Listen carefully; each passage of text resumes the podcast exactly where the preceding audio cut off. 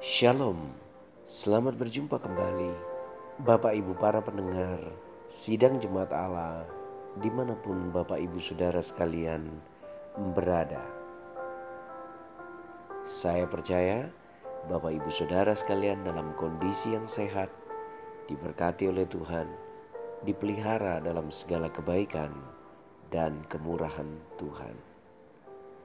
Kita akan segera mendengarkan renungan firman Tuhan dengan judul Jangan Takut, Percaya Saja. Teks kita terambil dalam Injil Markus pasal yang kelima ayat 21 sampai 23. Di situ dikatakan, sesudah Yesus menyeberang lagi dengan perahu, orang banyak berbondong-bondong datang lalu mengerumuni dia. Sedang ia berada di tepi danau, datanglah seorang kepala rumah ibadat yang bernama Yairus. Ketika ia melihat Yesus, tersungkurlah ia di depan kakinya dan memohon dengan sangat kepadanya. Anakku perempuan sedang sakit, hampir mati. Datanglah kiranya dan letakkanlah tanganmu ke atasnya, supaya ia selamat dan tetap hidup. Bapak, ibu, para pendengar yang dikasihi oleh Tuhan Yesus Kristus, kita baru saja membaca penggalan kisah bagaimana seorang pemimpin rumah ibadat bernama Yairus menghadapi sebuah pergumulan yang berat.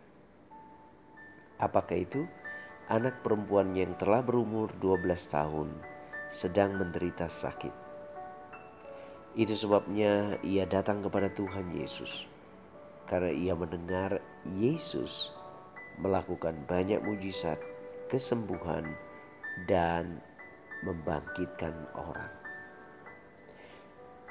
Di dalam pembacaan yang telah kita baca tadi, juga tersirat bahwa kesayangan hati daripada Yairus ini adalah anaknya yang kekasih. Jadi hatinya begitu terpaut dengan anaknya. Itu sebabnya dia mencoba mencari cara untuk berjumpa dengan Tuhan Yesus. Nah, karena Yesus diikuti banyak orang dan sedang berbondong-bondong, tiba-tiba Datanglah pihak keluarga menceritakan kepada Yairus. Di situ dikatakan, "Anakmu sudah mati. Apa perlunya lagi engkau menyusahkan guru?" Yesus tidak menghiraukan perkataan mereka dan berkata kepada Yairus, kepala rumah ibadat itu, "Jangan takut, percaya saja." Nah, Bapak Ibu Saudara yang dikasih Tuhan, ada dua hal yang dikatakan Tuhan Yesus. Yang pertama, jangan takut. Yang kedua, percaya saja. Bapak Ibu Saudara yang dikasih Tuhan, Waktu mereka tiba di rumah Yairus, orang-orang ribut menangisi dan meratapi dengan suara nyaring anak itu. Yesus mengusir mereka semua dan meminta mereka keluar dari rumah itu. Yang ikut bersama dengan Tuhan Yesus adalah Petrus, Yakobus, dan Yohanes. Ketika Yesus masuk ke dalam rumah yang sedang meratap itu, Yesus berkata kepada mereka, "Mengapa kamu ribut dan menangis? Anak ini tidak mati, tetapi tidur." Banyak di antara mereka menertawakan Tuhan Yesus. Karena itu Tuhan Yesus mengusir semua orang Lalu di bawahnya ayah dan ibu anak itu dan mereka bersama-sama masuk ke dalam kamar anak itu. Lalu Tuhan Yesus memegang tangan anak itu sambil berkata, "Tali takum," yang berarti, "Hai anak, aku berkata kepadamu, bangunlah." Seketika itu juga anak itu bangkit berdiri dan berjalan. Sebab umurnya sudah 12 tahun. Semua orang yang hadir di situ sangat takjub. Nah di awal waktu mereka pertama kali mendengar kabar berita buruk terhadap anak ini, Yesus berpesan dua hal. Yang pertama, jangan takut. Yang kedua, percaya saja.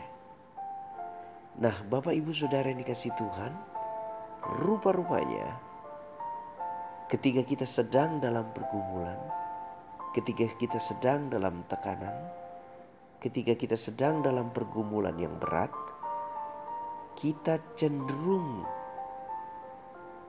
untuk mengabaikan kedua hal ini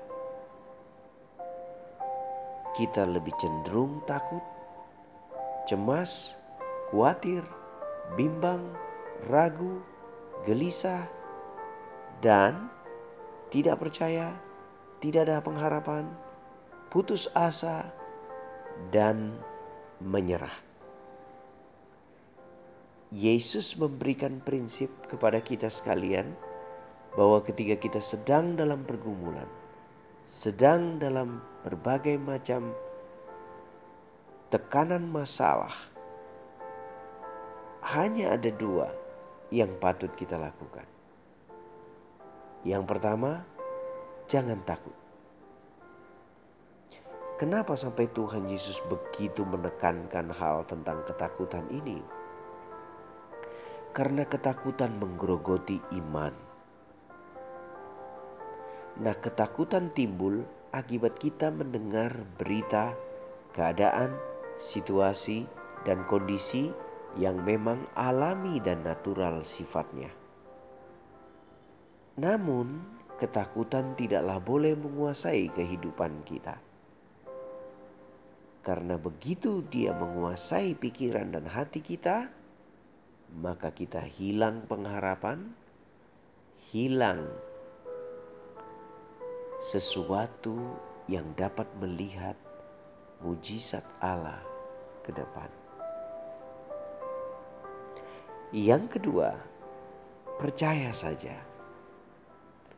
Nah, Bapak Ibu Saudara, di dalam menghadapi pergumulan dan masalah serta tekanan, kita cenderung tidak percaya, tidak yakin tentang apa yang sedang dan kita lakukan. Tetapi Alkitab berkata, percaya saja. Nah, bagaimana saya bisa percaya?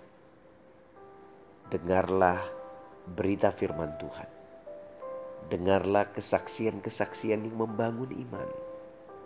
Dengarlah puji-pujian, nyanyian yang memuliakan Tuhan tentang bagaimana kebesaran, kehebatan, dan kedahsyatannya. Rupa-rupanya Yairus telah mendengar berita bahwa Yesus telah ada di daerah mereka.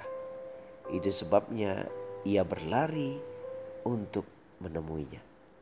Dan begitu ia menemui Yesus, ia tersyukur karena ia tahu bahwa hanya Yesus yang dapat menguatkannya dan menyembuhkan anak itu. Di dalam perjalanan, berita buruk terdengar. Tapi Yesus sekali lagi tidak menghiraukan semua berita buruk itu. Ia berkata, "Jangan takut, percaya saja." Begitu ia tiba di rumah duka, orang-orang pada meraung-raung meratapi anak itu. Yesus berkata, "Apa maksudnya kalian ini? Dia tidak mati, dia hanya tertidur." Orang-orang menertawai dia, tetapi Yesus tidak menghiraukan mereka dan meminta mereka keluar. Dan ingat ini Bapak Ibu. Ia tidak gentar sedikit pun. Dan ia tetap percaya. Bapak Ibu yang dikasih Tuhan. Hari ini kita mungkin sedang mengalami pergumulan yang berat. Jangan takut. Percaya saja daripada mendengar berita-berita yang mungkin melemahkan iman kita, mari dengarkan firman Tuhan dan mulai mempercayainya. Dengan demikian, firman dapat membuat dari yang tidak ada menjadi ada, dari yang lemah menjadi kuat, dari yang tak berdaya menjadi beroleh kekuatan yang baru, dari yang sakit disembuhkan, dari yang mustahil menjadi mungkin. Tuhan Yesus memberkati kita Bapak Ibu Saudara sekalian. Biarlah firman Tuhan ini terus bergema di hati dan pikiran kita. Jangan takut, percaya saja. Amin.